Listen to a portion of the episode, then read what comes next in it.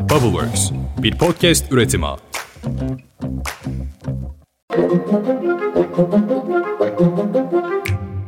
Günaydın. Bugün 1 Ağustos 2023. Ben Özlem Gürses. Bubbleworks Medya ile birlikte hazırladığımız 5 dakikada dünya gündemine hepiniz hoş geldiniz. Ağustos ayı da başladı ve hayatınızda pek çok şey hala aynı değil mi? Evet biliyorum nereden çünkü benim de öyle. Neyse gündeme geçelim. Ankara'da simide zam geldi. Simitçiler Odası Başkanı Savaş Delibaş, Ankara'da bugünden itibaren simidin 10 lira olacağını duyurdu. İki ayrı şehirde ekmeğe de zam geldi. Çorum'da 5 liraya satılan 200 gram ekmeğin fiyatı zamla beraber 7 liraya, Isparta'da 210 gram olarak 5 TL'ye satılan küçük ekmeğin gramajı 230 grama çıkartılarak fiyatı da 7,5 TL'ye çıktı. Motorine de bu sabahtan geçerli olmak üzere 1,07 TL zam geldi. Böylece motorinin litre fiyatı 37 liraya dayandı. E doğal olarak toplu taşımaya da zam geldi. İzmir'de 7,78 liralık tam ilk biniş 13 liraya, 3 lira olan öğrenci bileti de 5.14 liraya yükseldi. Biliyorum baygınlık geldi içinize ama yapacak bir şey yok. Minibüsler içinde indi bindi tarifesi değişti. 10 liradan 15 liraya çıktı. Gelir İdaresi Başkanlığı vergi borcu yapılandırmalarını ve motorlu taşıtlar vergisinin ikinci taksidi ödeme süresini 4 Ağustos'a kadar yani bu cuma akşam 17'ye kadar uzattığını açıkladı.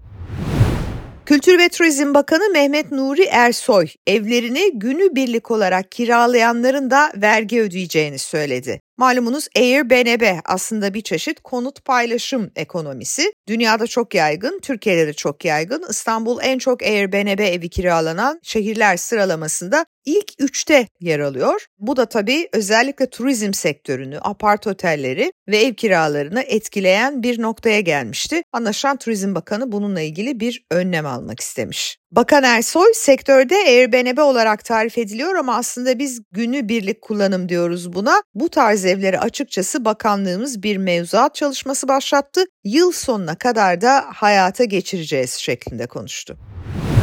Bankacılık Denetleme ve Düzenleme Kurulu BDDK kredi kartıyla taksitli harcamalara yönelik yeni kısıtlama kararlarını duyurdu. Buna göre kredi kartınızı havayolu, seyahat acenteleri ve konaklama ile ilgili yurt dışı harcamalarda taksitlendirerek kullanamayacaksınız. Yani yurt dışından bir bilet, efendim seyahat acentası üzerinden bir turizm turu ya da konaklama almak istiyorsanız artık taksit yapmayacak kredi kartlarınız. Türkiye İşçi Sendikaları Konfederasyonu Türk İş Temmuz ayında açlık sınırının 11.658 liraya yükseldiğini duyurdu. Bu yeni istatistiğe göre asgari ücret açlık sınırının altında. Yaklaşık 4 milyon memur ve 2,5 milyon memur emeklisini ilgilendiren 7. dönem kamu toplu sözleşmesi görüşmeleri bugün başlıyor. İlk toplantıda açılışı Bakan Vedat Işıkan yapacak. Memurların ilk yıl için %70, ikinci yıl için %40 zam talebi bakalım karşılanacak mı? Temmuz ayı enflasyon verilerinin açıklanmasını beklediğimiz bu hafta Reuters yeni bir anket paylaştı. Ankete göre Temmuz ayında enflasyon tahmini Reuters'ın %59,9 yani Merkez Bankası'nın %58'lik yıl sonu enflasyon hedefine yakın. Gene ankete katılan 10 ekonomist Temmuz ayında enflasyon verisinin aylık oranının da %9,1 olacağını öngörmüş. Dolar karşısında sürekli değer kaybeden Türk lirası komşu ülkelerin para birimleri karşısında da içler acısı bir halde. Örneğin bir Bulgar levası 15,20 TL'ye çıktı.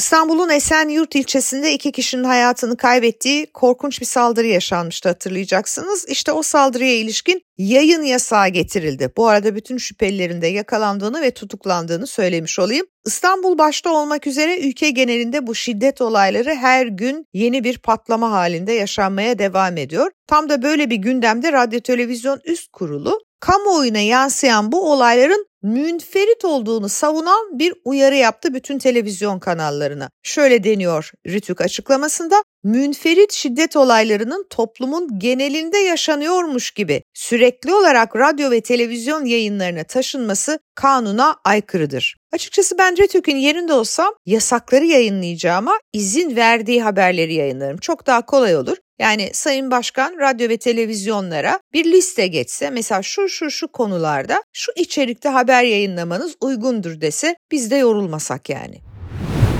Hatay'da bir okulda beden eğitimi öğretmeni olarak görev yapan Murat Sağroğlu toplam 10 öğrenciyi cinsel istismarda bulunmuş, üstelik bu olayların görüntülerini de kaydetmiş. Nihayet bir öğrencinin şikayeti üzerine tutuklanan Murat Sağroğlu mahkeme kararından kısa süre önce tahliye edildi ve kayıplara karıştı. Düşünebiliyor musunuz? Mesela sevgili Rütük bu haberi yayınlayabiliyor muyuz, yayınlayamıyor muyuz? Ne dersin? İyi Parti sözcüsü Kürşat Zorlu, Eskişehir'de AK Parti ve MHP'nin desteklenebileceğini söyleyen Eskişehir Milletvekili Naip Hatipoğlu'nun açıklamalarının partinin kurumsal kimliğini temsil etmediğini söyledi. Önemli bir açıklamaydı bu, duyalım. Ortaya konan görüş tamamıyla e, milletvekilimizin kendisine ait bir görüştür ve e, partimizin bir kurumsal kimliğini temsil etmemektedir bu görüş. Zira bizim iki temel özelliğimiz var böylesine stratejik ve bir seçim sürecini etkileyebilecek nihai bir konuda yetkili kurullarımızın görüşlerini alarak biz kararlarımızı şekillendiririz. Ve bu şekillendikten sonra da kurumsal görüşümüzün açıklandığı e, merciler bellidir.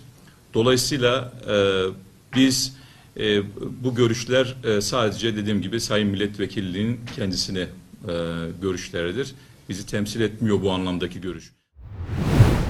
Eski CHP vekili Barış Yarkadaş da İstanbul Büyükşehir Belediyesi Başkanı Ekrem İmamoğlu'nun değişim manifestosu yönünde çalışmalarını sürdürdüğünü anlattı. Beylikdüzü'nde Hikmet Çetin, Altan Ömen, Murat Karayalçın ve Beylikdüzü Belediye Başkanı Mehmet Murat Çalık'la bir akşam yemeğinde bir araya gelmiş Ekrem İmamoğlu ve masanın konusu CHP'deki değişim enerjisiymiş. Barış Yarkadaş bu toplantıda aynı zamanda İmamoğlu'nun 10 Ağustos'ta yayınlamayı düşündüğü değişim değişim manifestosunun da konuşulduğunu öne sürdü.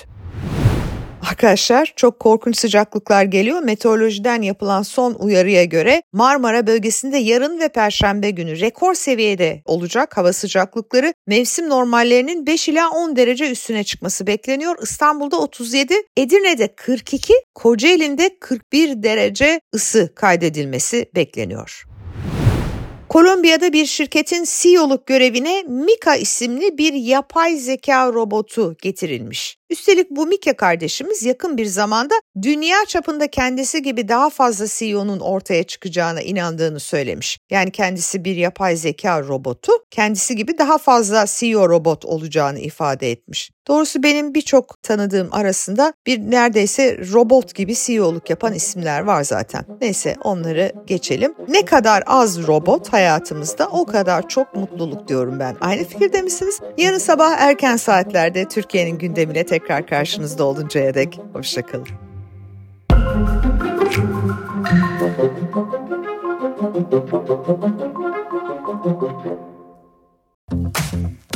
Bubbleworks bir podcast üretimi.